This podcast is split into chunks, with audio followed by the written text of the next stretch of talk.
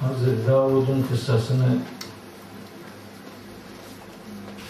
benim için önemli olduğunu düşündüğüm o kıssadaki takım ifadeleri geçen de sizlerle paylaşmıştım. Elimden geldiği kadar nelerin yanlış anlaşıldığını, doğrusunun ne olduğunu sizlere aktarmaya çalışmıştım. Şimdi aynı şeyleri tekrarlamak istemiyorum. 27. ayet 3 ayetlik bir ara pasaj diyebileceğim bilgiyle şekilleniyor. Ondan sonra Hz. Süleyman üzerinden bir kıssa özetlemesi yapılıyor. Bunu size aktarayım. Kur'an-ı Kerim'de böyle şeyler vardı. Bazen genel bir konu anlatılır. Sonra o konunun arasında ara ara Kur'an'ın asıl mesajına göndermeler yapılır. Ara ara bunlar görürsünüz bir şey kıssalar anlatır. Kıssaların arasında bir cümleyle ana konuya temas eder. Sonra bir başka kıssa anlatır.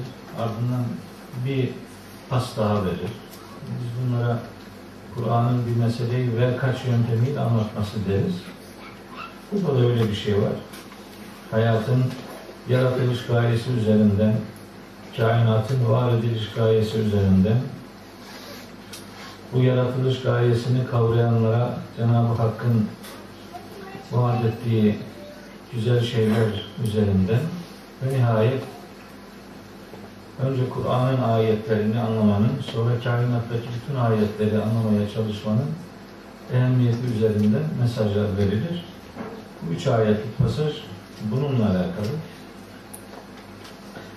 Buyuruyor ki Yüce Allah 27. ayetinde surenin Estağfirullah وَمَا خَلَقْنَا السَّمَاءَ وَالْأَرْضَ وَمَا بَيْنَهُمَا بَاطِلًا Biz göğü, yeri ve ikisinin arasında bulunan ne varsa bunları batıl olarak yaratmadık. Yaratılan şeylerde bir anlamsızlık, bir batıllık söz konusu değildir. Yani Davud'a verilen iktidarın da bir anlamı vardır. Davud'un karşılaştığı imtihanların da bir anlamı vardır. Mekkeli müşriklere yönelik tehditlerin bir anlamı vardır. Tercihini imandan yana kullananlara vaat edilen hakikatlerin de bir anlamı vardır. Hayat demek anlam demektir. Allah demek anlam demektir. Bir konu Allah'la ilişkiliyse onda mutlaka bir anlam söz konusu edilmektedir diyebiliriz. bu ayet ve bu ayetin ele aldığı konu üzerinden tabi söylenecek onlarca söz var. Yani, yani bir sürü ayeti size bu vesileyle aktarma imkanı var. Ama e, lafı çok uzatmak istemiyorum. Enbiya suresinin sadece ayet numaralarını söyleyip geçmek istiyorum. Enbiya suresinin 16. ayetini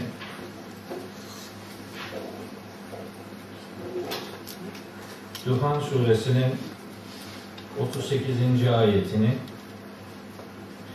Allahu Teala gökleri, yeri ve ikisinin arasında bulunan şeyleri oyun olsun diye yaratmadığını söylüyor o ayetlerde.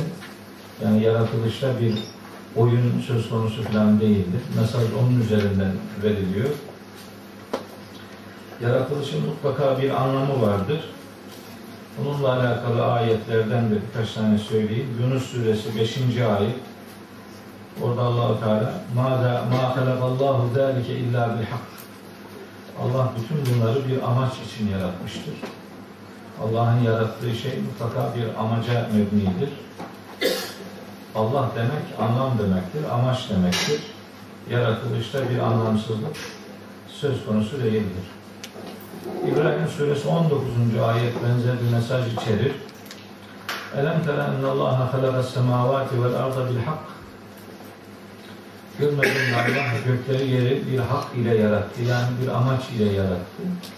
Bir maksat var, bir mana var, bir hakikat var. Bir plan var, bir proje var, bir ufuk var, bir hedef var. Mahlukatın hiçbir zerresi anlamsızlık üzerinden yorumlanamaz, değerlendirilemez ayetlerin vermek istediği genel mesaj bu istikamette gider.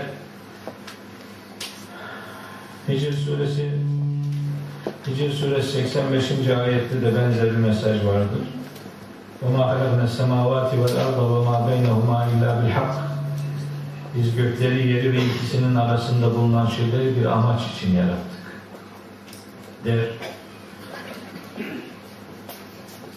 Benzer bir ayet Rum suresi 8'de vardır. Başka bir ayet işte Duhan suresi 39. ayettir. Halaknahuma illa bil hakkı biz yarattığımız şeyleri bir amaç için yarattık. Bırakın nekserahum la ya'lemun ama insanların çoğu bunun farkında değillerdir der allah Teala.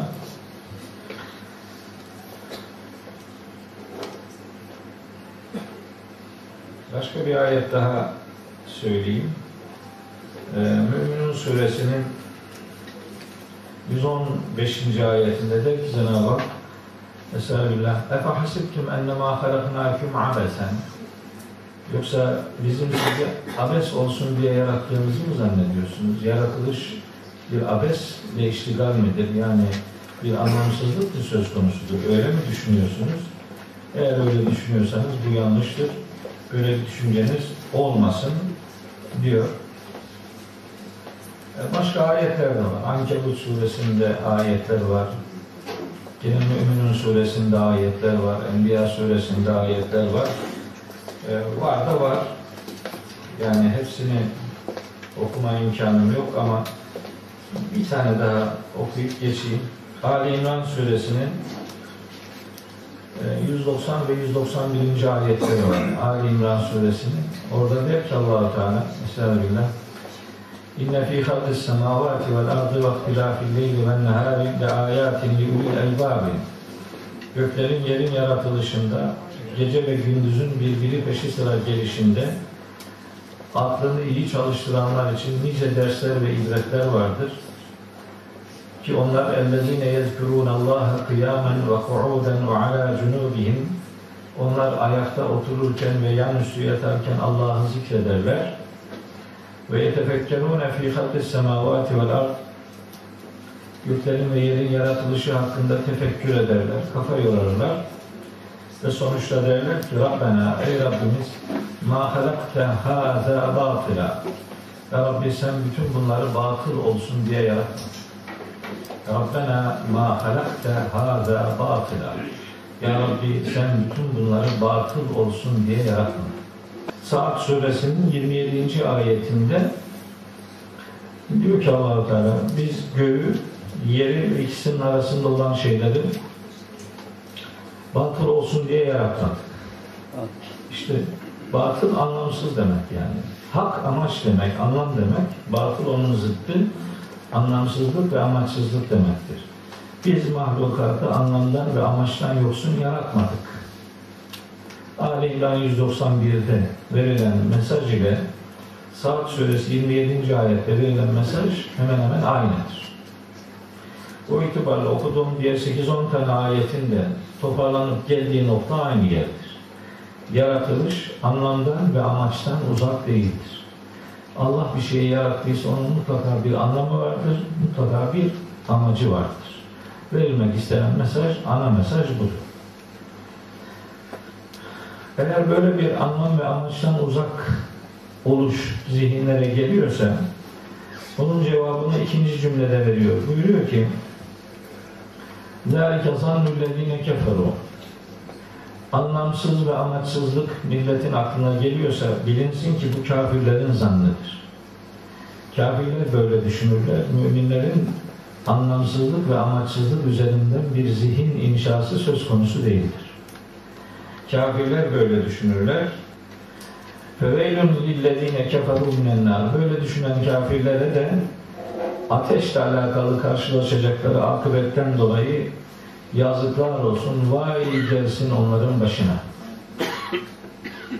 Bakara suresinin 175. ayetinde de böyle hakikate karşı duruşunu doğru belirlemeyenlere فَمَا أَصْبَرَهُمْ عَلَى النَّارِ der allah Teala nasıl da ateşe dayanacaklar? Nasıl dayanacaklar ateşe diye böyle bir ma asbara taaccüp fiili kalıbı üzerinden bir e, ifade yer alır. E, cehennemin ateşin şiddetini, dehşetini ortaya koyan ifadeler olarak göreceğiz. Saat suresi 27. ayetin son cümlesiyle Bakara suresi 175. ayetin son cümlesi bunlar da aynı mesajı içeren ayetlerdir diyelim.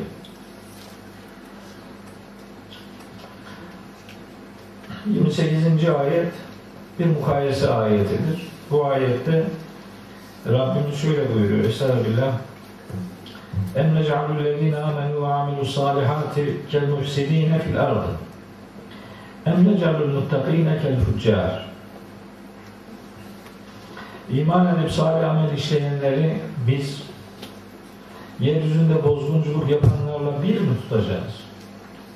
Öyle mi zannediyorlar? Yoksa biz muttakileri füccar ile denk mi sayacağız? Öyle mi yani?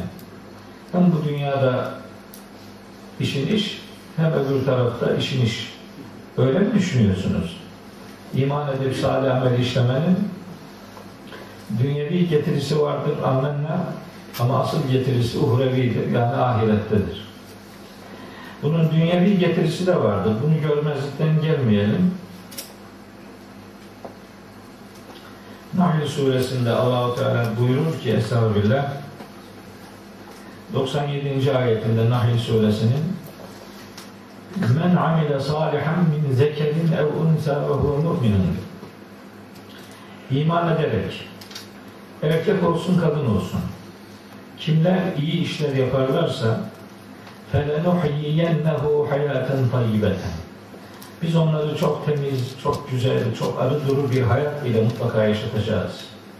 Yani iman edip salih amel işlemenin dünyevi bir sonucu da vardır. Allah'ın istediği gibi yaşarsanız Allah sizin bu fedakarlığınızı görmezlikten gelmez. O itibarla meselenin dünyevi boyutu vardır. Allah'ın istediği gibi yaşamamanın da dünyevi boyutu vardır. O da Taha suresi 124. ayette gelir. Dar, sıkıntılı bir hayat.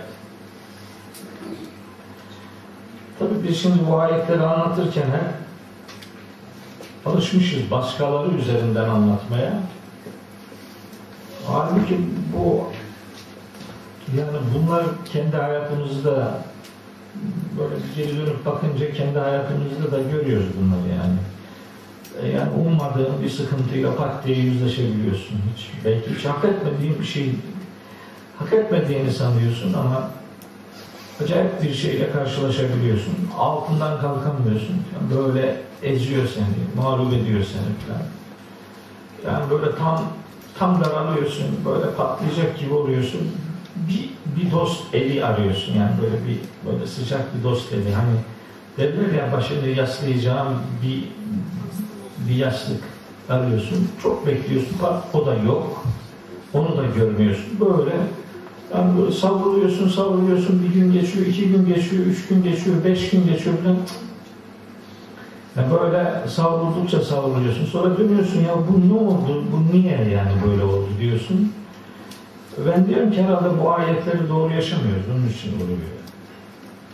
Yani hani bu İlla bir hak edişin karşılığı olmak zorunda değil. Neticede peygamberlerin başına da çok sıkıntılar geldi. Onlar bunu hak eden insanlar değiller, hiç şüphesiz. Ee, o bir imtihandı, belki bir derece atlaması idi onlar için. Hani bir level atlama, bir üst dereceyi elde etme vesilesiydi belki. Onun hikmetini bilmeyiz. Gerçi biraz Bakara suresi 155. ayet bize o noktada ışık tutuyor anlayabilenler için 155. ayet hani hayatın bir e, nimetlerin elinden alınması ve çeşitli sebeplerle insanların imtihana tabi tutulması bir sabır testi olarak tanıtılıyor, bir derece arttırımı olarak tanıtılıyor ama işte tam çözemiyorsunuz. Yani asıl şey e, insanı böyle mağlup eden şey başınıza gelen sıkıntı değil. Çünkü bu niye geldiği çözemiyorsun. Bir edişin karşılığı olabilir, bir sabır testi olabilir, bir derece artırımı olabilir, bilmem bir şeyler olabilir. Ama o dönemde ille yanında olsun dediğin insan insanlar yoksa beni en çok bu üzüyor. Şahsen. Niye böyle diyorum? İşte yani sıkıntılar yaşıyorsunuz. Yani böyle bir yalnızlık psikolojisi sizi böyle büküyor. Tam doğrulmaya çalışıyorsunuz. Bir daha büküyor, bir daha büküyor falan. Siz de böyle bükülmeye neredeyse alışıyorsunuz. Yani ben böyle bükük yaşayacağım diyorsunuz. Ee, öyle bir şeyler oluyor. E, faturayı kendime kesme adına diyorum ki herhalde böyle hak, hak ediyorum yani böyle şeyler. Hak diye böyle bir şey geliyor başıma. İman etmiş ve salih amel işlemişseniz toplumda bozgunculuk yapanlarla bir tutulmayacaksınız. Allah'ın size ihsanı ve ikramı olacak. Siz muttaki bir hayat yaşadıysanız sizi füccar gibi değerlendirmeyecek. Size azgın muamelesi yapmayacak allah Teala. Bu Allah'ın garantisidir. Bu ayetler yokmuş gibi hareket edemeyiz. Muttaki demek sorumlu ve duyarlı davranan adam demektir. Muttaki, muttaki hüccar gibi olmaz.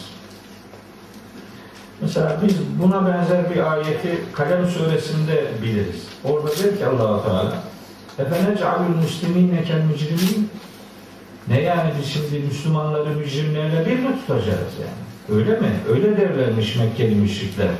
Biz hem dünyada çok hatırlıyız, durumumuz iyi, paramız var, malımız, mülkümüz var, çoluk çocuğumuz var, evladı iyalemiz var, makamımız var, mevkimiz var, şanımız var, şöhretimiz var. Ahirette de bunlardan daha iyisini bulacağız diyorlar. Çünkü biz Allah'ın sevgili kullarıyız. Allah bize bunları ihsan ve ikram edecek. Orada da burada da. Böyle dedikleri bir şeyde pozisyonda Allah Teala öyle diyor. Efendim alül müslimine kel mücrimin. Biz Müslümanları mücrimlerle bir tutacağız. Maleküm keyfe tahkumun. Neler oluyor size? Ne biçim hüküm veriyorsunuz siz? Biz biz mücrimleri Müslimlerle bir tutar mıyız? Biz muttakileri hüccar ile bir tutar mıyız? Yoldan çıkanlarla bir tutar mıyız? Hatta şeyde diyor ki Casiye suresinin 21. ayetinde diyor ki Estağfirullah Em hasibellezine citarahus seyyiati en nec'alehum kellezine amenu ve amilus salihati sevaen mahyahum ve mematuhum sa'e ma yahkumun yani habire kötülük işleyen insanları dünya hayatında iman edip salih amel işleyenlerle hayatlarını ve ölümlerini bir mi tutacağız? Böyle mi zannediyorlar yani? Habire kötülük yapan bir adamın iman edip salih amel işleyenlerle hayatları ve ölümleri bir mi olacak? Sâ ma yahkumun. Ne biçim hüküm veriyor bu adamlar? Ne kötü hüküm veriyorlar? Böyle bir hüküm, doğru bir hüküm değildir. allah Teala samimi, sadık insanları müfsit adamlarla bir tutmayacaktır. Burada bizim için çok önemli bilinmesi gereken iki ayet daha var. İşte onları ifade ettim. Biri Casiye suresi 21. ayet, bir diğeri Kalem suresinin 35. ayeti. Biz bu üç ayeti yani Casiye, Kalem ve Saat suresinin bu 28. ayetini e, birer mukayyese ayeti olarak Allahu Teala'nın hayatı ve ölümü insanların yaşantılarına, tercihlerine göre biçimlendireceği esasını bize hatırlatan mesajlar olarak görür bu ayetleri böyle anlarız. Evet. Ee, şimdi Saat suresi 29. ayet diye hatırlatayım. Estağfirullah. Kitabun enzelnahu ileyke mübarekün. Bu sana indirdiğimiz kitap var ya, bu son derece bereket kaynağı bir kitaptır. Bu ayetin bir benzeri de En'am suresi 155. ayettedir. Orada da öyle der Allahu Teala. Ve hâdâ kitabun enzelnâhu mübârekün. Bu sana indirdiğimiz kitap bir bereket kaynağıdır. Fettebi'uhu. Bu kitaba tabi olun. Vettekû. Böylece sorumluluğunuzu bilin Duyarlı davranın. لَعَلَّكُمْ turhamun Belki merhamete eriştirilirsiniz. Demek ki Kitabullah'a, Allah'ın vahyine insanlar tabi olacaklar ki muttaki olsunlar. Muttaki olmanın yolu Kur'an'a tabi olmaktan geçiyor. Kur'an'a tabi olmayan bir adama muttaki falan denmez. Şekli, giysisi, şusu busu nasıl olursa olsun. Tabi olduğu kaynak Kur'an değilse ona muttaki denmez. Eğer eğer Kur'an'a tabi olursanız muttaki olursunuz. Böylece size merhamet edilir. Enfal suresi 29. ayette de eğer muttaki olmayı başarırsanız Allah size Furkan verir. Yani Furkan olan Kur'an'a tabi olursanız muttaki olursunuz. Ve siz eğer muttaki olmayı başarırsanız Allah size yeni bir Furkan yaratır. Furkan doğruyu yanlıştan ayırt edebilme gücüne derler. Neyin doğru, neyin yanlış olduğu, din adına neyin doğru, neyin yanlış olduğunu anlayabilme ölçüsüne, yetisine, yeteneğine, ihsanına, ikramına Furkan derler. Kur'an'ın bir adı da Furkan'dır. Furkan bu yönüyle bir taraftan Kur'an'ın adıdır, bir taraftan Allah'ın insana verdiği dünyevi bir ödüldür. Din adına neyin doğru, neyin yanlış olduğunu anlayabiliyorsanız bu çok muhteşem bir nimettir. Eğer Kur'an'ınız yoksa Furkan'ınız yok demektir. Kur'an'ınız ve Furkan'ınız yoksa din adına ne kadar yalan varsa bunu size yuttururlar demektir. Böyle bu iş. Bir bereket kaynağıdır Kur'an-ı Kerim. Bu ayette de ona dikkat çekiyor. Yani hem Saat suresi 29. ayet hem Enam suresi 155. ayet Kur'an'ın bir bereket kaynağı olduğunu söylüyor. Şimdi peşinden Kur'an'ın neden bir bereket kaynağı olduğuyla alakalı iki gerekçe dile getiriliyor. Bunlardan biri tedebbür, biri tezekkür. Buyuruyor ki Rabbimiz, bu kitap sana indirdiğimiz bu kitap bir bereket kaynağıdır. Şunun için indirdik. لِيَدَّبَّرُوا ayatihi. İnsanlar onun ayetlerini tedebbür etsinler. Tedebbür etmek. Tedebbür diye bir kavramımız var bizim. Bunu burada defalarca anlattım. Bunu artık bu derslere gelenler biliyorlar yani. Bir şeyin arka planını görebilecek, inceliğine vakıf olabilecek e, akli, zihni çalışmalara tedebbür derler. Tabii böyle az buçuk Arapça bilenlerin liyeddebberu kelimesini tanımasını beklersiniz. Yani bu nasıl bir kelimedir falan diye. Ben bunu kime sorduysam doğru cevap alamadım. Liyeddebberu hangi kelime diyorsa anlamıyor yani. Sorayım mı şimdi? Sormayın. Kimse bilmeyecek. Onun için işi karıştırmayın. Liyeddebberu ayati. Ayetlerini tedebbür etsinler. İnceden inceye düşünsünler. Bu şu demek yani. Ve liyetezekkere ulul elbab. Öyle bir düşünce ortaya koyacak ki sonra ulul elbab olanlar gerçeği hatırlayacaklar.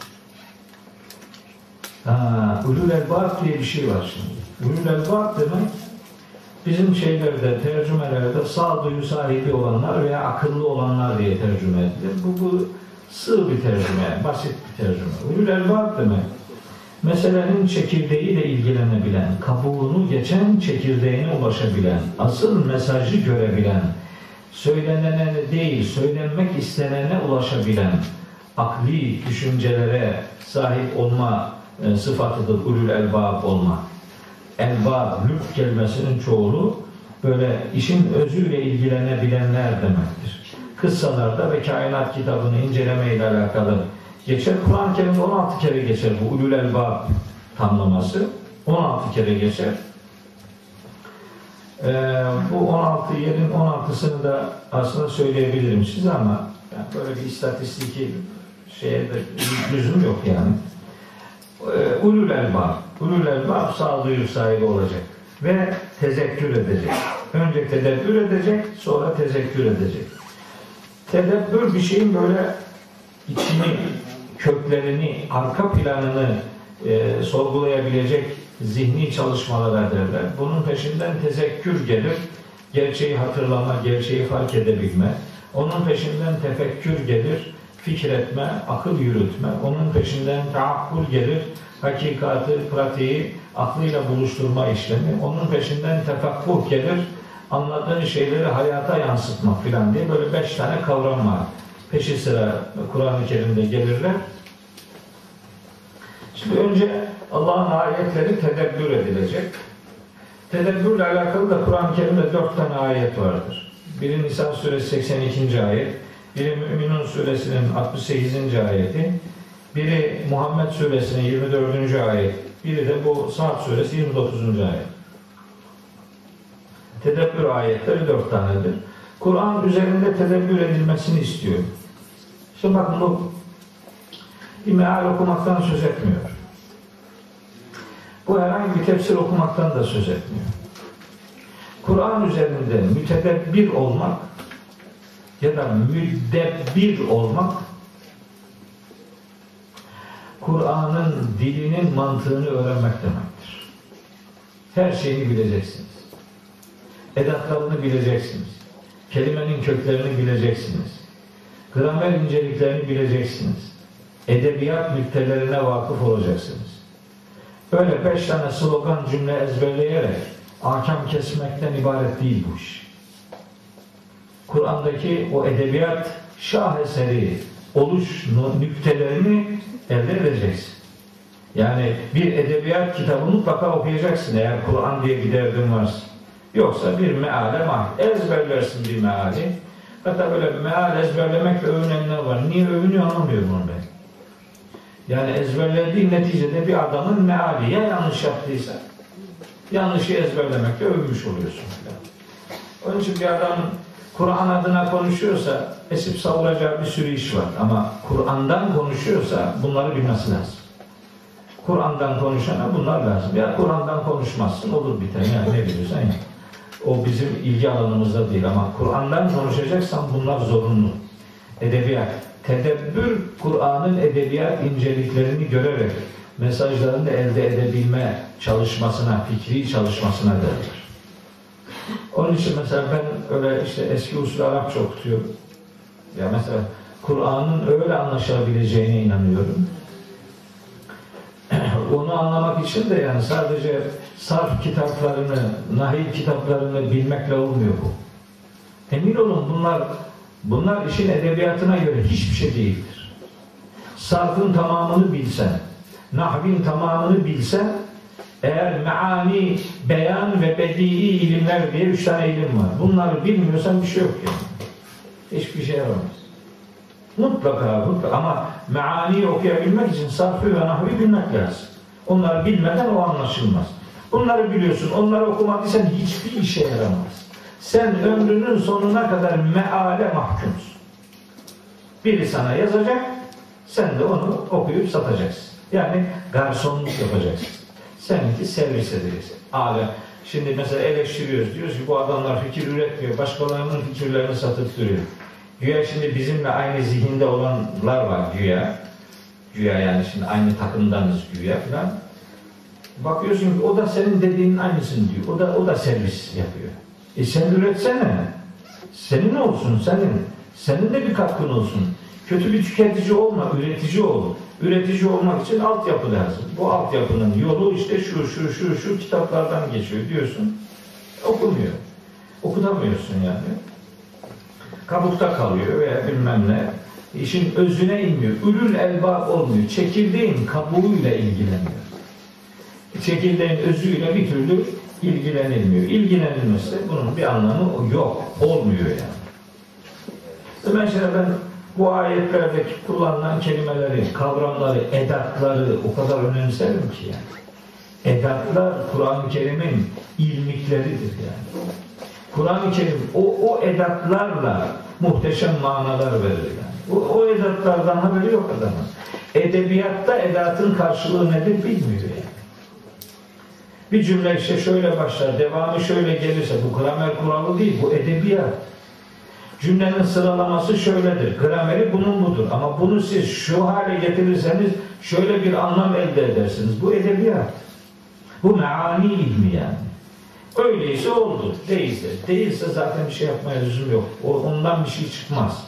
O zaten ölmeye yok olmaya mahkum. Yani, o, yani onun ikbali ve istikbali yoktur. İşte tedebbür, Kur'an'ı edebiyat inceliklerinden istifade ederek anlama faaliyetidir.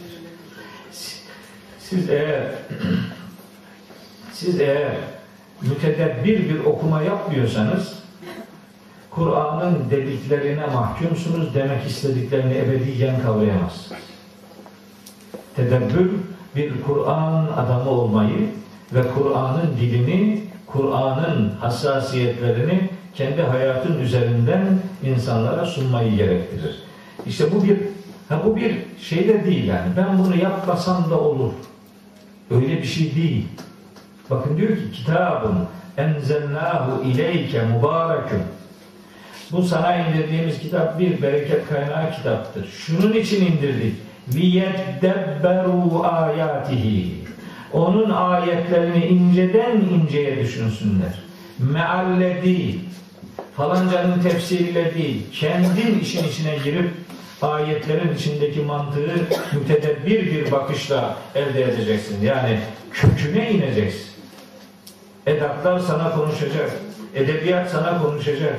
Böyle işte bunun diyelim tadı lezzeti o zaman elde edilir. Fakat işte elde edilsin diye e, uğraşıyorsun. Olmuyor.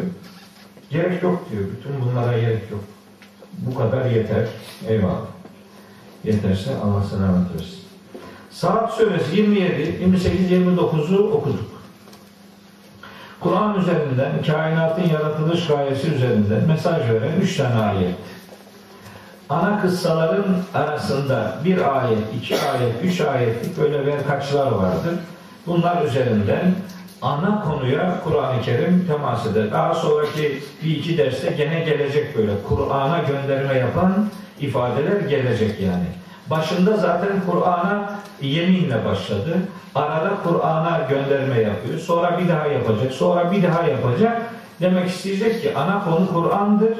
Kur'an'ın mesajını anlayın. Şimdi vereceğimiz kısa örnekleri ana mesajı süsleyen, destekleyen argümanlardır. Bunun üzerinden kıssaları böyle anlamaya çalışın. Der ve 30. ayet itibariyle bir kıssaya başlar allah Teala.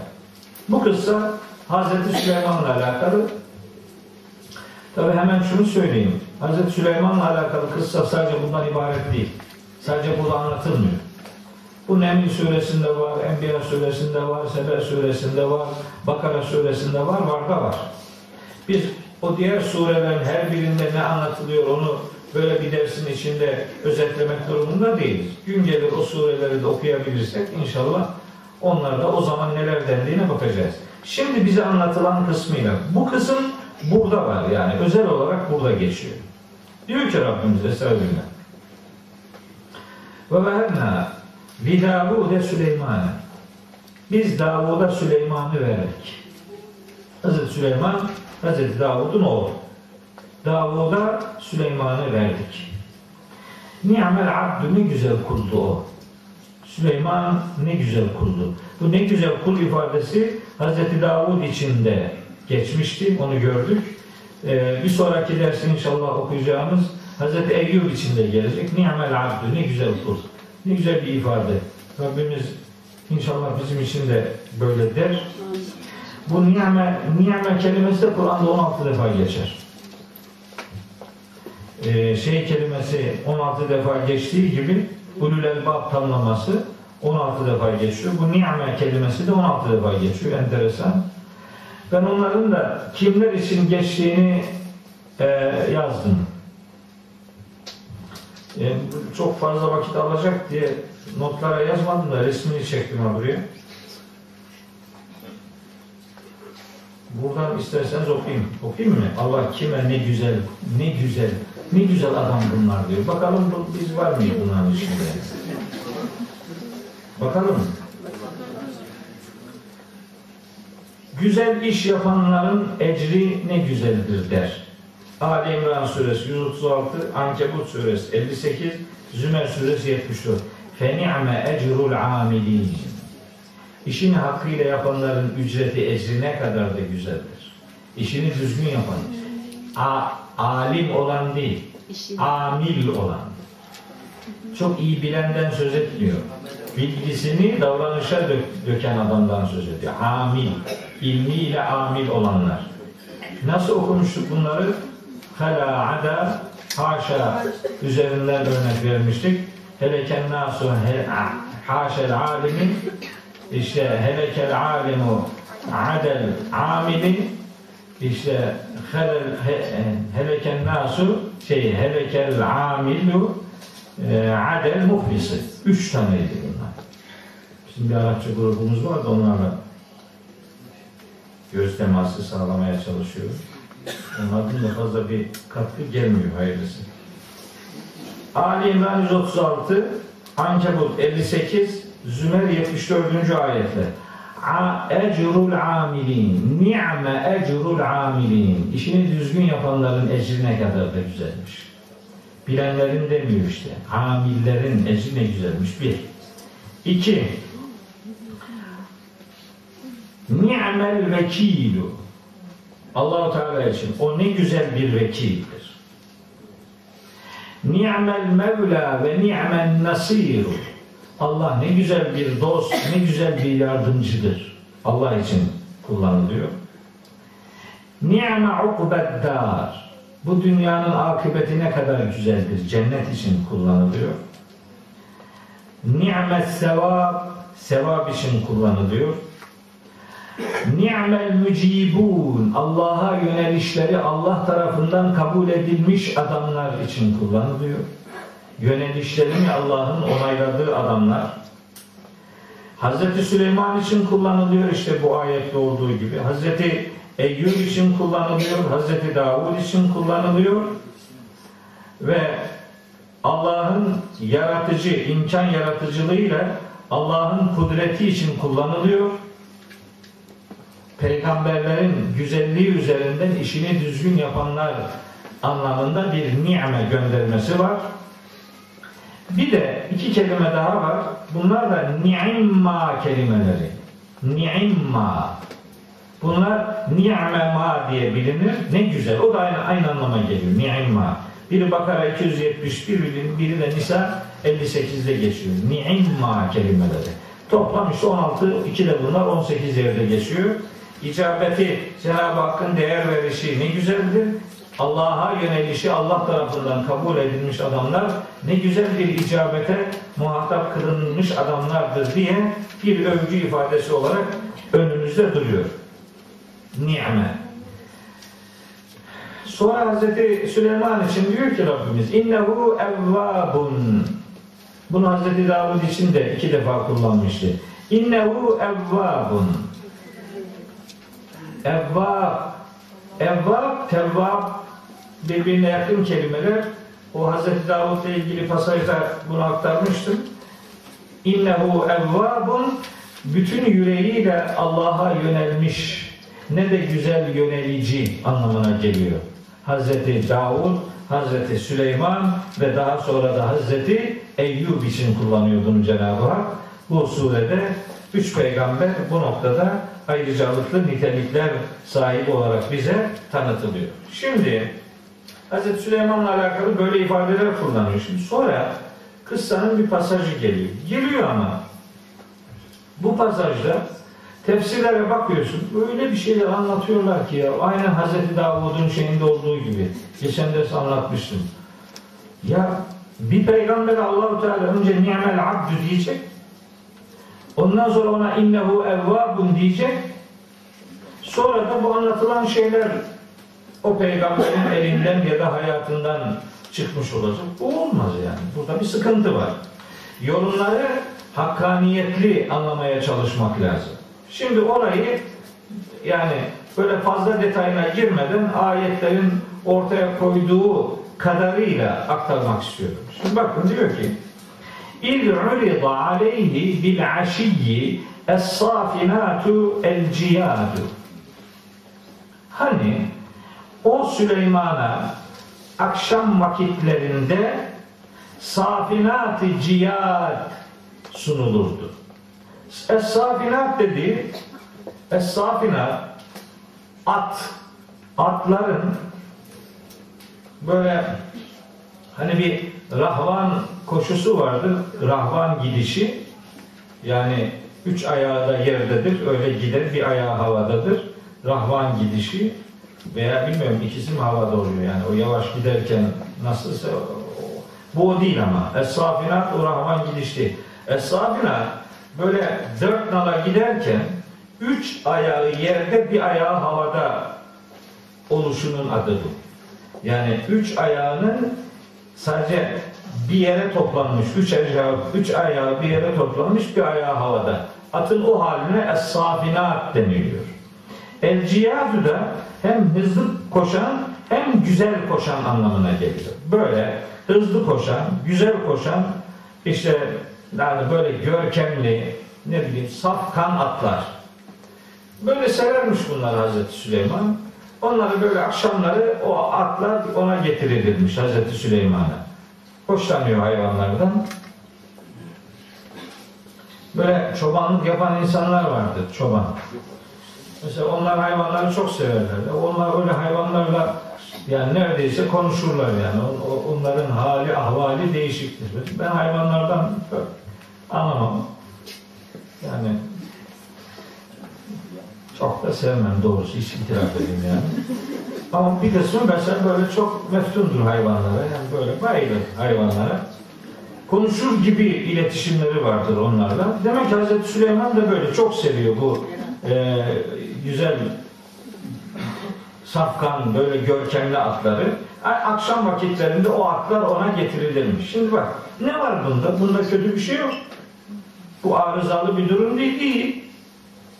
Diyor ki bir sonraki ayette 32. ayette Fakale Hazreti Süleyman dermiş ki İnni ahbebtu hubbel hayri an zikri Rabbi hatta tevarat bil hicabi dermiş ki Hazreti Süleyman bu hayvanlar bana Rabbimi zikretmeyi hatırlattığı için ben bu ser ben bu serveti seviyorum.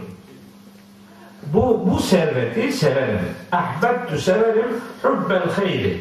Hubbel hayri şimdi bizim ümmet bir kelimeyi Kur'an'da gördü mü onun ilk manası neyse hep öyle gider. Öyle değil.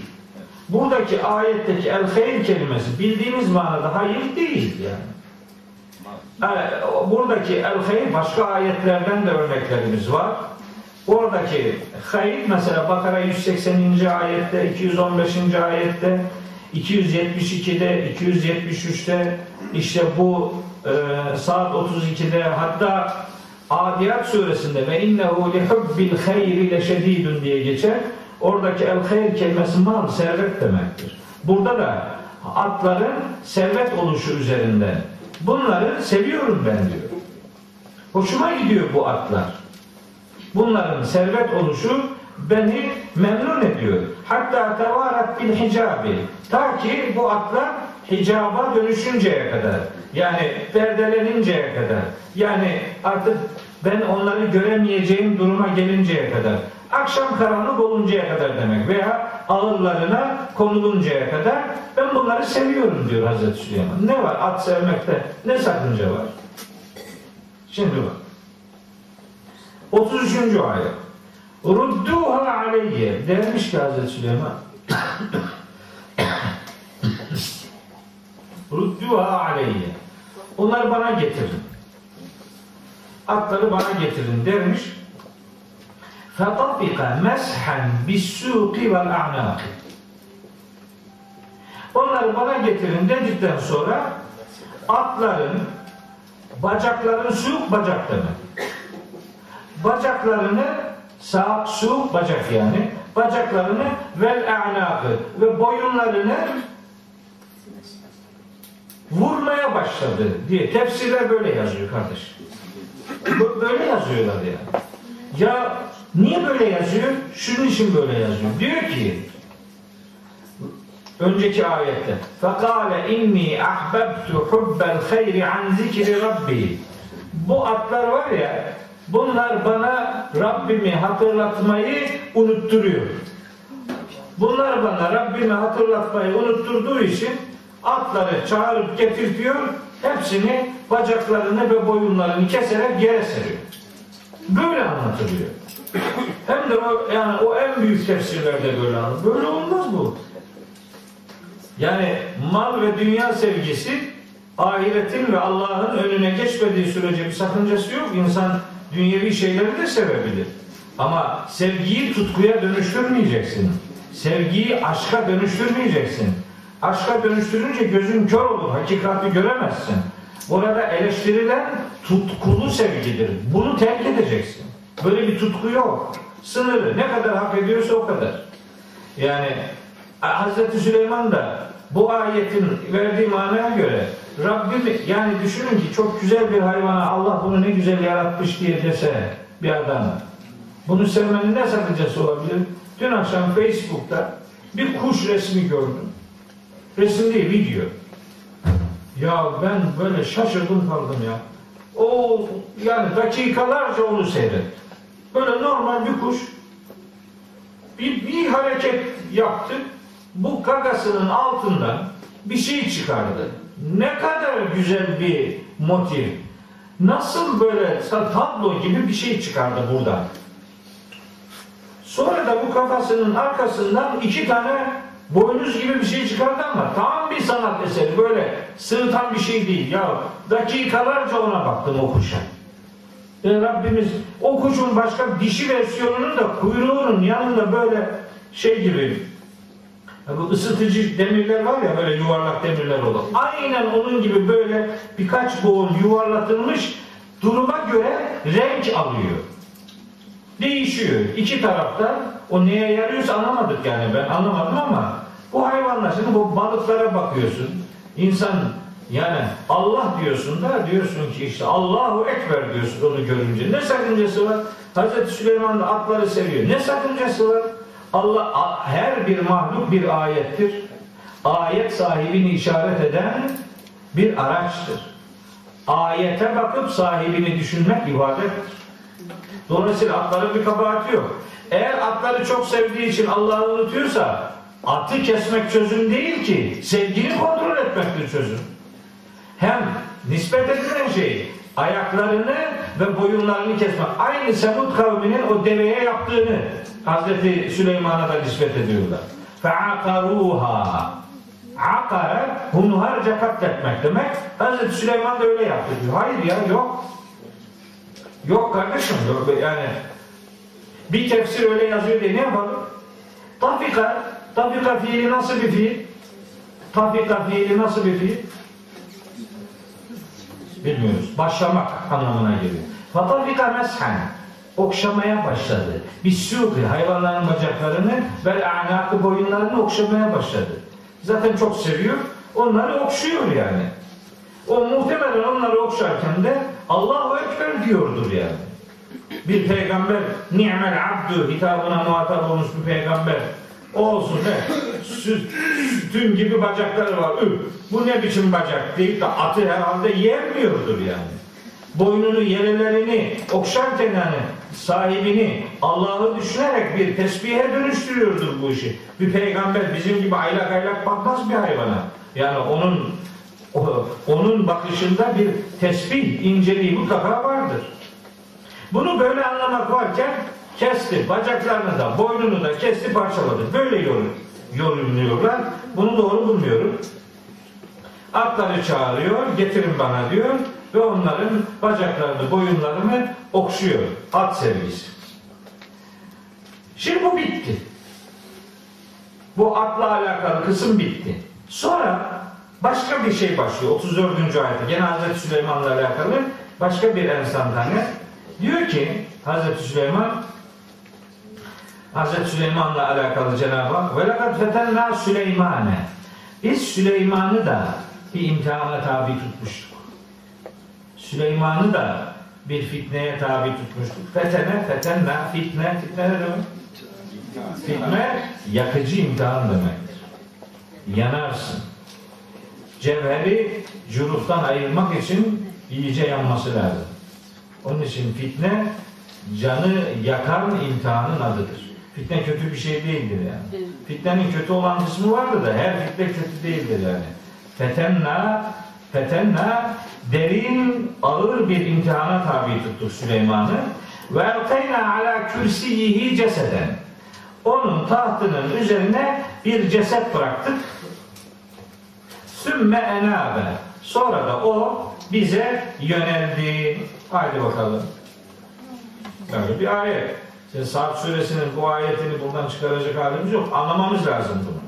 Hazreti Süleyman kıssasının arasından geçiyor. Bir kısım diyebilir ki bunlar beni ilgilendirmiyor. Biz zaten ilgilenenlere söylüyoruz bunu. Yani. İlgilenmeyene diyecek bir şey yok. Onun için Saat suresi de onu ilgilendirmiyor zaten. Boş ver. Kitabullah indi. Anlayan anlasın. Beni ilgilendirmiyor diyenlerle işimiz yok. Bu ayeti anlamak istiyoruz biz. Hazreti Süleyman Allah imtihana tabi tutmuş. Ve elkayna ala kürsiyi ceseden. Onun tahtının üzerine bir ceset bırakmış. Sümmena sonra da Hazreti Süleyman Allah'a yönelmişti. Ne oldu şimdi? Bu imtihan neydi? Tahtının üzerine konulan ceset neydi? Bu İsrailiyat dediğimiz haberler var tefsirlerde. Ya ya bunlardan illallah demişim ben ya. Şimdi bu Hazreti Süleyman'la alakalı Hazreti Davut'la ilgili yaptıklarının aynısını Hazreti Süleyman'la ilgili de gene bir kadın kız işine bağlamasınlar mı işi? Hazreti Süleyman'la alakalı böyle çirkin bir kadın işleri anlatıyorlar. Yok ya, yok böyle bir şey değil.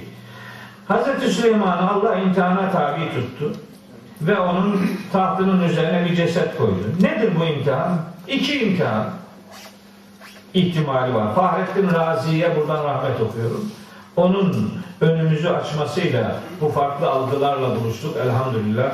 Allah ona makamın en güzellerini lütfeylesin. Harika bir adammış.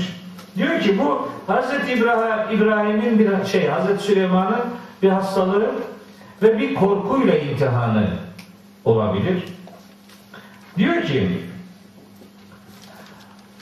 Fahrettin Razi Hazreti Süleyman'ın bir oğlu olmuş.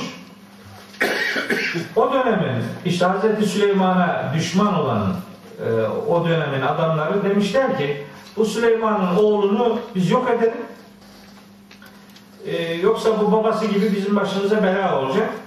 İyisi mi biz bu çocuğu yok edelim. Onlar böyle deyince Hazreti Süleyman daha bir dikkatle davranarak çocuğunu özene bezene hani e, her türlü sıkıntıdan onu uzak tutacak bir özel bakımla çocuğuyla ilgilenmeye başlıyor. Fakat bir süre sonra çocuk ölüyor. Hazreti Süleyman'a Allahu Teala Allah'a güvenmediği ve insanların tehditleri nedeniyle kendi çapında bir önlem alma gayretkeşliği ortaya koyduğu için arzu edilen düzeyde bir tevekkül ortaya koymadığı için yani Allah'ı hesaba katan bir duruş ortaya koymadan kendisi bir şeyler yapmaya gayret ettiği için Hazreti Peygamber'in ifadesiyle bir inşallah demediği için öyle bir rivayet de var. Ya da çok ağır bir hastalığa tutulmuş Hazreti Süleyman elkayna ala kürsiyihi ceseden böyle tahtının üzerinde adeta bir cesede dönecek kadar zayıflaması yani böyle takatten kesilmesi, tanınmaz hale gelmesi manasında bir hastalık imtihanıdır diyor Fahrettin Arz. Bunların hepsini Fahrettin Arz diyor. Üçü de doğrudur. Üçü de olabilir. Çocukla imtihan olabilir. Hastalıktan dolayı zayıflaması olabilir ya da herhangi bir işle alakalı inşallah dememekten kaynaklanan bir e, imtihanı söz konusu olabilir. Keyif suresinde bu inşallah dememenin Kalem suresinde de Allah'a hesaba katmamanın faturalarının ne olduğunu söyledim ben burada defalarca. İnşallah dememek bir peygamber için büyük bir eksikliktir. Bir uyarı gerektir. Bu öyle bir uyarı olabilir. Neticede Hz. Süleyman'ın imtihana tabi tutulması böyle bir inşallah dememesinin sonucunda gerçekleşmiştir diyorlar. Hz. Peygamber'den gelen bir rivayet. O rivayet sahih olabilir. Diğer iki ihtimal doğru olabilir. Ama en doğrusu hasta olması ve adeta bir deri bir kemiğe dönüşecek bir şekli alması sonra da Cenab-ı Hakk'a yönelmeye devam etmesi. Dil kastedilen mesela böyle işte kadın, kızlar, şunla bunlar uzaktan yakından alakası yok. O konuda hiçbir kelime yok. Hiçbir işaret dahi yok. Hz. Davud'la ilgili yapılanın aynı yanlışlığı maalesef burada da yapılmış. Sonra o 35. ayette Hazreti Süleyman diyor ki Kale Rabbil firli Ya Rabbi beni bağışla. Ve hebli mülken bana öyle bir hükümranlık ver ki la yenbagî li ahadin min ba'di benden sonra hiç kimseyi ulaşamayacağı, hiç kimse hiç kimsenin neredeyse hayal bile edemeyeceği bir şey ver bana. Bir hükümranlık, bir yetki, böyle bir imkanım olsun diyor. Öyle diyor. İnneke entel vehhab. Ya Rabbi sen her şeyi en iyi verensin. El vehhab o demek yani. Her, el vehhab bir mübalağa kalıbıdır. Hem sürekli veren hem her türlü veren demektir. Bu mübalağa sigalarında böyle bir anlam inceliği vardır. Ee, hem her her şeyi veren hem sürekli veren anlamına gelir. Şimdi bağışlanma dileğinde bulunuyor. Niye bağışlanma dileğinde bulunuyor? Bir sıkıntı var değil mi? Rabbül Firli dediğine göre aynı Hazreti Davud'un kıssasında olduğu gibi bir şey var. Ne olabilir? Bir, sıkıntıya yeterince teslimiyet göstermemesi olabilir. Yeterince tevekkül göstermemesi olabilir çocuğuyla alakalı. Ya da inşallah dememesi olabilir veya daha evla olan bir davranışı tercih etmemesi olabilir. Bu dört sebebin dördü de peygamberler için tevbeyi, istiğfarı gerektiren eksikliklerdir. Böyle kabul edilir. Onun için bağışlanma dileğinde bulundu ve hem mülken sonra da Rabbinden bir istekte bulundu. Ya Rabbi bana bir hükümranlık ver ki işte o hükümranlığa daha benden sonra daha hiç kimse hiç kimse için ulaşılamayacak bir hükümranlık ver. Şöyle de olabilir. Hazreti Süleyman'ın bağışlanma dileğinde bulunması için özel bir olayın ya da kayıtlara geçmiş bir olayın yaşanmış olması şart değildir. Nitekim Hazreti Peygamber İmam Müslim'in işte e, e, kitabında geçiyor. Peygamberimiz diyor ki ben her gece ve her gündüz 70 kere istiğfar ederim. Yani istiğfar ille de bir kabahatin bağışlanma dileğinde bulunma ile sınırlı değildir. Evet asıl anlam budur ama anlam ondan ibaret değildir. Bir istiğfar başlı başına Allah'ı hatırlama anlamında bir ibadettir. Bir adamın mağfiret talebinde bulunması, Allah'ı hatırlaması ve onun güç üstün güç olduğunu benimsemiş olması anlamında başlı başına bir ibadettir. Dolayısıyla Peygamberimizin her gece ve her güncünü 70'er kere istiğfar ederim demesi Allah'ı hatırlama anlamında bir duyarlılıktır. Zaten Kur'an-ı Kerim'de Üzkürullah zikren kesira emirleri vardır. Allah'ı çokça hatırlamanın yollarından biri de Allah'tan bağışlanma talebinde bulunmaktır. İnsan hangi nimet için Allah'a istiğfar etse görevini yerine getirmiş olur? Hangi birini sayacaksın? Nefes aldığını mı, verdiğini mi? Gördüğünü mü, duyduğunu mu? Ayakta oluşunu mu? Ne bileyim, ne? Hangisi yani? Bunların hiçbirinin hakkıyla görevi, ödevi yerine getirilmiş olmaz. O itibarla daima zikir ve daima bir istiğfar hali başlı başına bir duyarlılıktır, bir e, erdemdir. Hazreti Süleyman'ın hayatında da bunu görmemiz son derece mümkündür mesela. Diyor ki allah Teala Şimdi ben ayetten bir şeyler çıkartıyorum. Benim benim Kur'an okuma stilim budur yani. Bize ne var bundan? Öyle değil mi yani? Biz ne yapacağız şimdi? Biz şunu yapacağız. Hayatımızdaki sıkıntılarımız nedeniyle bir, Allah'tan bağışlanma dileğinde bulunacağız adam gibi. İki, Cenab-ı Hak'tan olabilir isteklerde bulunacağız. Yani istemeye yüzümüz olacak. Ben her zaman söylüyorum. Duada elleri niye kaldırır bir adam? Elleri kaldırırsın. Bir, isteğin var. Onu dile getirmek için. iki Allah'ın yüceliğini ortaya koymak için yani böyle böyle istemez adam yani. Allah bu taraflarda değil yani. Veya böyle istemez. Gerçi öyle Allahümme ecirna minennâr okurken böyle ellerini çevirirler diye bir kahramanlıkmış gibi. Veya yağmur duasında böyle bir de böyle yaparlar. Çok yağmur yağ. Çok yağmur yağdı mı sel oluyor. Bak aklın gitti yani. Sen istemeye hakkın olsun. Öyle Allah'a miktar şey yapma.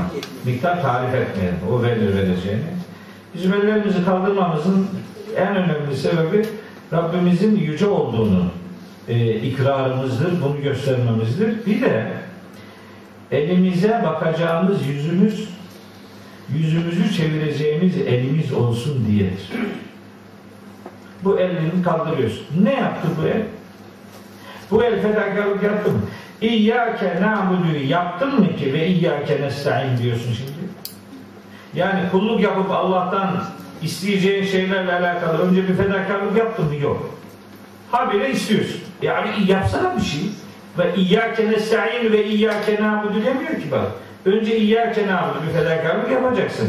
Ve iyyâke nesta'in sonra isteyeceğiz. Tabi Fatır suresi 10. ayet de sana inmiş olacak bu arada. Onun haberi yok ümmeti Muhammed'in. Öyle olunca Fatih. Ben mesela kunut dualarını okurken bitir namazlarında milletin Allahümme inna nesta'inüki önce okur. Allahümme iyyâke na'budu'yu sonra okurlar. Ben tersini yaparım. Allahümme iyyâke na'budu'yu önce okurum. Nesta'inüki'yi sonra okurum. Fatiha'daki sıraya uygun olsun diye. Ama itiraf edeyim son 10 yıldır bu ikisini de okumadım. Niye? Benim harika bir kunut duam vardır. Harika bir kunut duası. Ve bunu okur. Allahümme ehdini fîmen hedeyt ve afini fîmen afeyt ve tevelleni fîmen tevelleyt ve barik li fîma a'tayt ve qini şerre ma kadayt fe inneke takdi ve la yudda aleyk İnnehu la yezillu men valeyt ve la ya'izzu men adeyt. Tebarekte Rabbena bunu okudum mahalle de manasını biliyorsan. İnna nesta'inüke iyyâke nâbu diye beş basar. Bu peygamberimizin hadisidir bu da yani. Öyle ben kendim uydurmadım bunu. Bu benim değil canım. Bu nereden ürettim demeyin. Bu da hadis yani. Öbürleri değilse bunu ben bunu okurum. Hatta o Allahümme iyyâke nâbudu da bir cümle var. O beni illet ediyor ve nehla'u ve netruku ve nehla'u ve nehla'u iktidardan düşürmek demektir. Politik bir şey gelip geliyor bana. Ve nehla'u hal etmek iktidardan düşürmek demek. Biraz politize bir şeyler aklıma geliyor. Onu aklıma getirmekle öbür nokta.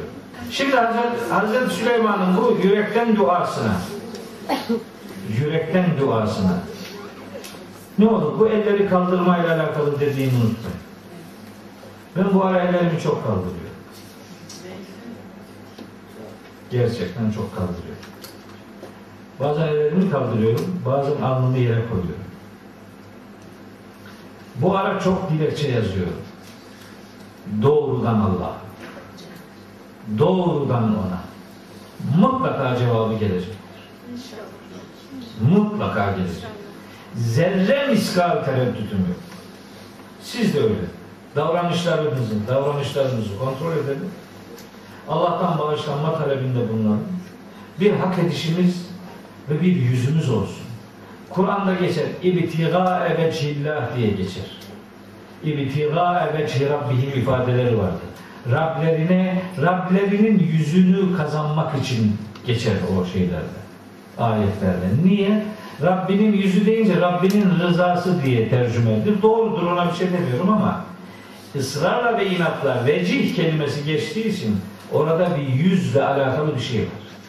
Yani Rabbinin yüzünü kazanmak için demek Rabbine çevireceğin yüzün olsun diye demektir. Allah'a çevirecek yüzün yok. Hangi yüzle ne istiyorsun? Yüzün mü var?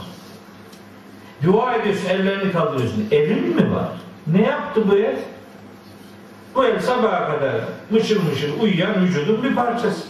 Akşama kadar da neydi belirsiz işlerle uğraşmanın bir, bir, bir, bir, bir organ yani. Neyi kaldırdı yani? Ne oldu da şimdi bunu kaldırdı? Yani kirden geçmeyen bir elin ayağa kaldırılması, havaya kaldırılması neyi değişir? Ümmet habire dua ediyor. Ve İleyhi yas'adul kelimut tayyibu vel amelus salihu yerfa'uhu. Bu bir ayet. Men kâne yuridul izzete felillahil izzetu cemi'a. İleyhi yas'adul kelimut tayyibu vel amelus salihu yerfa'uhu. İzzet, itibar, onur, haysiyet, şeref arayanlar bilsinler ki bu bütünüyle Allah'ın katındadır. En güzel kelimeler Allah'a yükselirler ve onları Allah'a yükseltense salih amellerdir. Yani önce fedakarlık, sonra dua. Elini Allah'a çevirirken bakacağın ellerin, çevireceğin yüzlerin olsun. Dua ederken ne olur? Bunu aklımıza getir. Elini kaldırdığında Ya Rabbi bu eller üzerine düşen vazifeyi yaptılar. Şimdi vazifesini yapmış ellerle senden niyaz ediyorum. Şunu bana ihsan et. De. Bu, bu odur işte yani. Rabbi, Rabbi firli ve hebli, bir ve hebli bir duruş ortaya koy sonra da Rabbim sana ihsan ve ikramda bulunsun. Bulundu mu Hazreti Süleyman? Bulundu. Ne yaptı? Fesahharna lehur riha. Ona rüzgarı musahhar kıldık. Rüzgarı onun emrine verdik. Tecribi emri, Allah'ın emriyle rüzgar eser, hareket eder. Ruhaen böyle itaatkar bir şekilde, lazım olduğu kadar, rüzgarın fazlası kasırgaya dönüşür değil mi? Kasırga ne yaptı? Ahkaf ahalisini, Ad kavmini mahvetti, yerle bir etti. فَلَمَّا رَاهُ عَارِضًا مُسْتَقْبَلَ اَوْدِيَتِهِمْ قَالُوا هَذَا عَارِضٌ مُمْتِرُنَا Bir fırtına geldi, geliyor adam diyor ki, ha, bu beklediğimiz yağmur geliyor. Hı -hı. Görürsün. Beklediğin yağmur yerle bir etti seni. Bu ruhaen o demek biliyor musun? Lazım olduğu kadar. İtaatkar. Yani fazla değil. Bu şeye gidiyor. Hazreti Süleyman o dönemde tabi şeyler e, ticari hayat gemilerle gidiyor. Deniz yolculuklarıyla e, trans, trans, trans, transatlantikler yok belki o zaman böyle filolar şüphesiz yok ama gene de muhtemelen rüzgarlı gemiler var. Bu şey e, yelkenli gemiler var, rüzgarlı gemi. Biz aynı manaya veriyor. Öyle gemiler var. Yani rüzgarları Süleyman estiriyor demek değil ha bu. Yanlış anlamayın. Seber suresinde var. Bu konu 12-13. ayetlerde. Enbiya suresinde var 81. ayette. Rüzgarın Hazreti Süleyman'ın emrine verilmesi rüzgarları o idare ediyor demek değil. Onun işi Mikail melekle alakalı bir iş.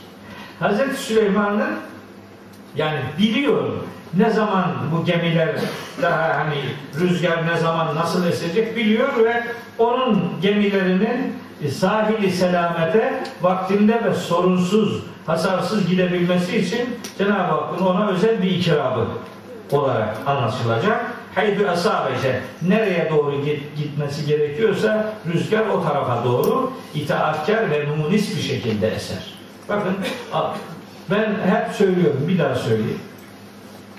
Allah'ın iki tür Müslüman kulu vardır. Bunlardan biri iradeli Müslüman kullar, diğeri iradesiz Müslüman kullar. Ama ikisi de Müslümandır. İradeli Müslüman kullar iradelerini kullanarak ellerinden gelen fedakarlığı yaparlarsa Cenab-ı Hak iradesiz Müslüman kulları onların yardımına koşturur. Bu böyledir. İradeli Müslümanlar görevini yerine getirirlerse iradesiz Müslümanları Allah onların yardımına koşturur. İşte o felaket peygamberler tarihindeki helaklere bakın. Nuh kavminin boğulmasındaki iradesiz Müslümanlar denizlerdir, sulardır. Firavun'un boğulmasındaki iradesiz Müslüman denizdir.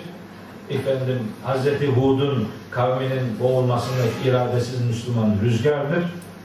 Diyelim Hazreti Lut'un kinde işte depremdir vesaire. Tabi iyi güçler demek iradesiz Müslüman kuvvetler demektir.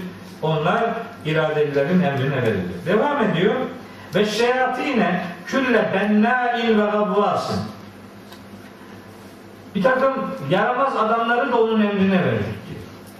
Hani o cinlerin Hz. Süleyman'ın emrinde çalışmasından söz eden Sebe suresinde bir bölüm var. Bu yaramaz adamlar anlamına gelebilir. Tanınmayan adamlar ama düşmanlık yapan adamlar. Kim bunlar? Külle bennâin ve gavvasın. Benna. Külle bennâin. Benna aslında e, bina yapar. Ama benna bak bu bir mübalağa kalır. Bani değil. Hani bu eserin banisi şudur diye yazar bazı tarihi eserlerde. O bani inşaatı yapan adam demek. Bennain her tür işi yapabilen sanatın zirvesinde adam demek. Bennâin o demek. Her türlü işi her zaman yapabilen sanatkar ve işinin ehli, işinin erbabı adam. Bunları da ve gavvasın. Gavvası da. Gavvas bu Enbiya suresi 82. ayette de geçiyor bu yavusune diye fiil olarak geçiyor. Bu gavvas denenler de böyle denizin içerisine dalıp öyle inci ve mercan çıkarabilen yetenekli dalgıçlar da. Bunları da Süleyman'ın emrine verdi. Yani denizlerde seyahat etmek için imkanları bahşettik. Bu arada işte Sebe suresinde gene anlatılıyor işte öyle büyük tekneler yapan, acayip görkemli şeyler yapan benna işte bunlar. Bu adamları da Hazreti Süleyman'ın emrine verdik diyor. Sadece bu kadar değil. Ve aferine mukarrenine fil asfadi. Boyunduruk altına alınmış nice nice savaş esirleri vardı.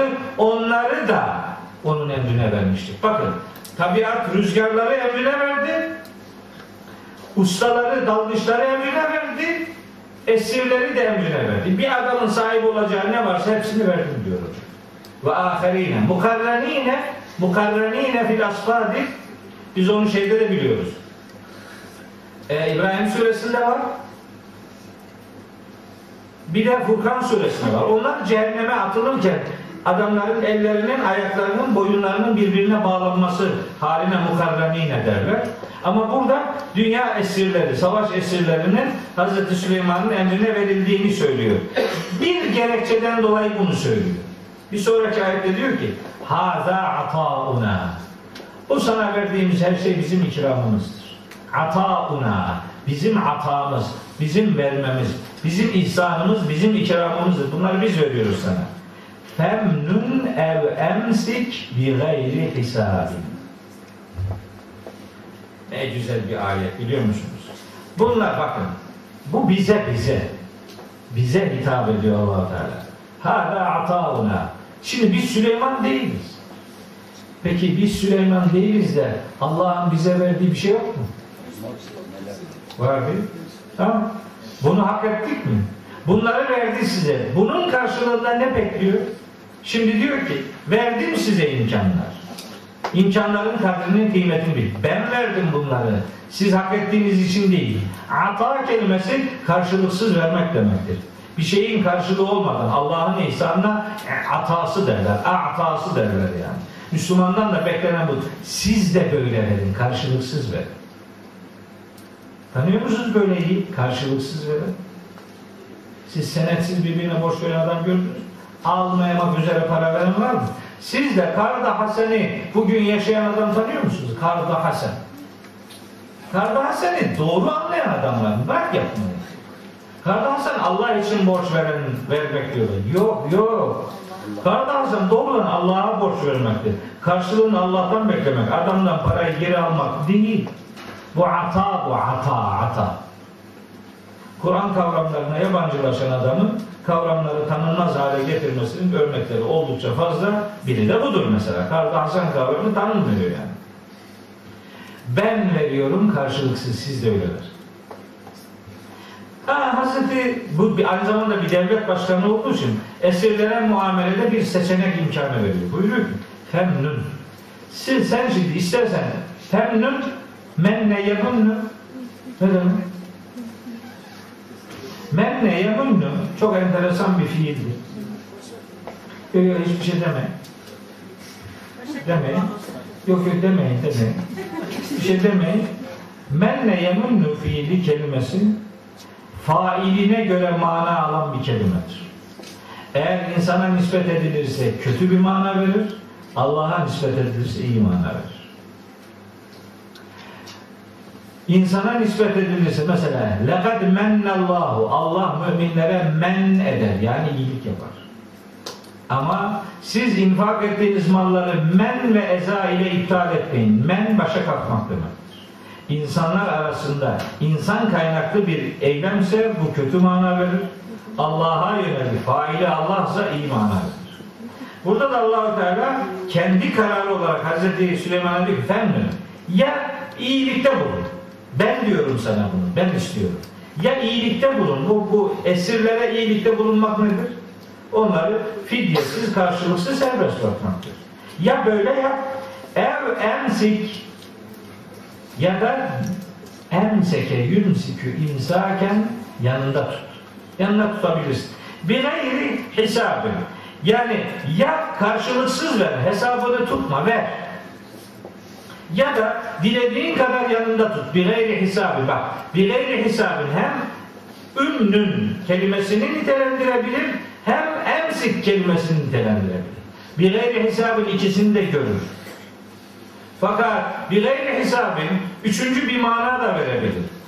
İster ihsanda bulun, ister yanında bulunsun, bir gayri hesabın. Bundan hesaba çekilmeyeceksin. Diyor ki Rabbimiz, ev emsik bir gayri hesabın. Yani ister hesapsız bir şekilde ihsanda bulun, ister istediğin kadar yanında tut. Bu bir gayri hesabın, hani işten anlayanlar için söylüyorum. Bu bir gayri hesabın üç anlam ihtimali var. O inceliği kavrayasınız diye söylüyorum. Yani Arapça bilenlere, hani bu işte uğraşmak gibi gündemi olanlara diyorum. Bir gayri hesabın, ümnün kelimesiyle de emsik kelimesiyle de ilgili olabilir.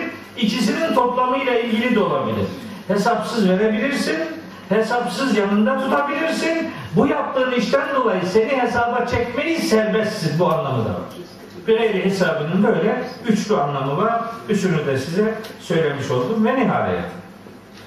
Ve inne lehu indena lezülfa ve husne meabin. Süleyman var ya Süleyman.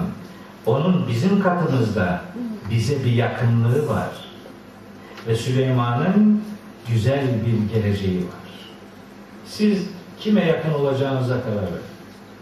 Bence yakınlığınız Allah'a olsun. Süleyman peygamberin yaptığı gibi Allah'ın dediği gibi yaşarsanız yakınlığınız Allah'ın yanıyla şekillenir, ödüllenir ve güle- güzel bir gelecek Rabbimizin katında bize ihsan edeceği nimetlerle şekillenecektir diye dua ve niyazımız olsun. Evet 40. ayet itibariyle Hazreti Süleyman kıssasını dilim döndüğünce, aklım yettiğince sizlere aktarmaya gayret ettim. Bir sonraki ders nasip olursa 41. ayetten itibaren okuyacağım.